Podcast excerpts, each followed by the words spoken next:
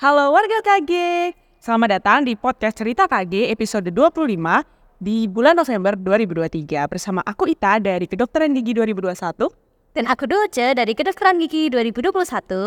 dan hari ini kita akan membahas salah satu prodi yang ada di FKG UGM dan jarang banget ada di luar ya. Betul, jadi kita hari ini akan membahas mengenai prodi hygiene gigi nih. Dan hygiene gigi itu adalah prodi satu-satunya di Indonesia dan ada di UGM ini. Keren banget ya sih, Ta?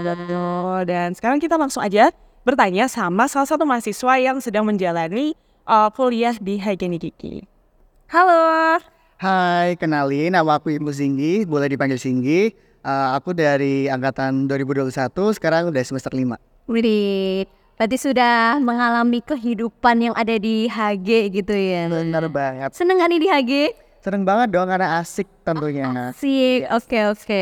Mungkin bisa dijelasin sedikit nih, sebenarnya hygiene gigi itu apa sih?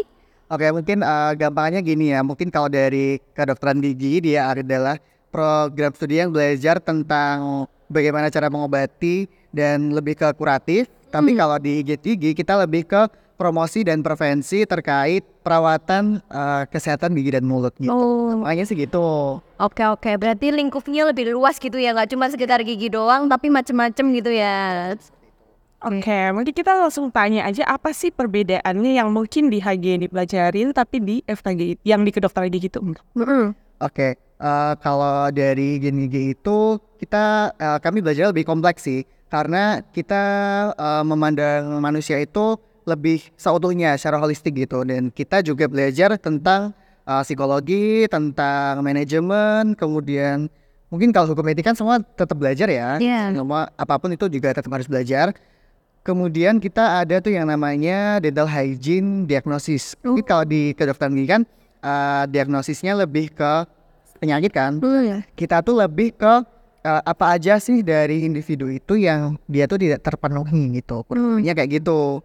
Kita memandang manusia tuh eh, secara holistik. Mungkin kalau dari yang kedokteran gigi eh, fokus lebih difokuskan lagi ya terkait kesehatan gigi dan mulut gitu. Ya betul banget ya. Ternyata kayak gitu ya ada perbedaannya antara kedokteran gigi yang S1 kedokteran gigi sama S1 hygiene. Nah, Iya. terus aku mau tanya lagi nih, kalau kita kan sebagai kedok eh, di pen- eh, pendidikan dokter gigi, Hmm. outputnya nanti oke jadi dokter gigi. Kalau hygiene gigi itu jadi apa? Oke, mungkin ini eh, masih terkait kebijakan dan regulasi ya. Jadi, higien gigi di UGM itu masih belum eh, mengadakan sekolah profesi. Jadi, kami lulus itu masih menyandang gelar S1, belum menyandang gelar profesi. Nah, eh, jadi ke depannya nanti itu kita masih belum eh, mendapatkan perizinan terkait praktik di rumah sakit.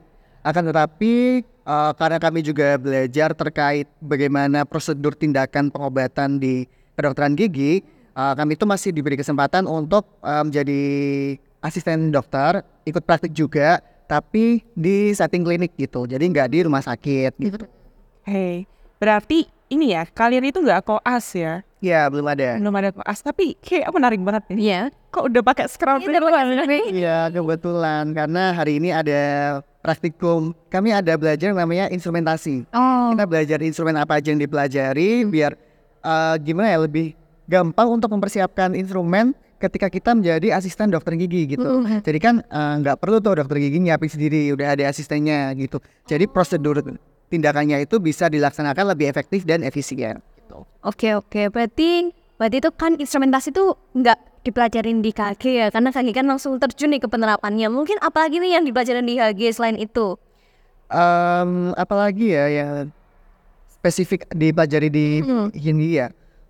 Hmm, secara umum mungkin kurang lebih sama ya. Cuman kalau di kedokteran gigi dia sudah pembelajarannya sampai cukup dalam. Kita tuh masih superficial gitu, masih tipis-tipis. Jadi kita tuh kurang lebih eh, mata kuliah dan topiknya tuh sama. Cuman kalau di kalian tuh sampai yang benar-benar praktek sampai detail kan. Nah kalau kami tuh hanya sebatas teori aja gitu. Kurang lebihnya kayak gitu. Oke, tadi aku mau konfirmasi nih. Tadi kan Cindy bilang ada asisten operator nih. Berarti kan ada di sebelah si dokter gigi kalau di klinik gitu ya. Itu sama nggak sih sama eh, asisten operator lainnya? Biasanya kan ada yang perawat gitu ya. Mungkin kalian disamakan seperti itu atau beda gitu?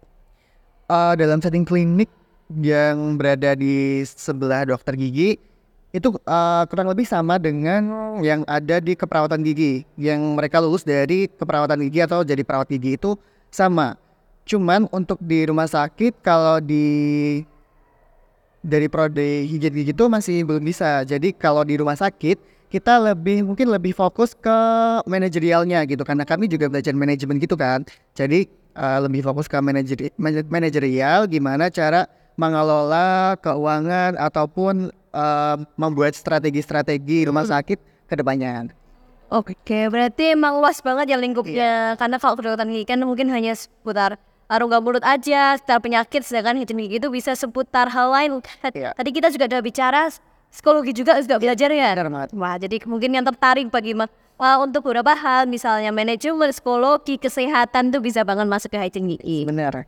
Oke, mungkin pertanyaan terakhir nih.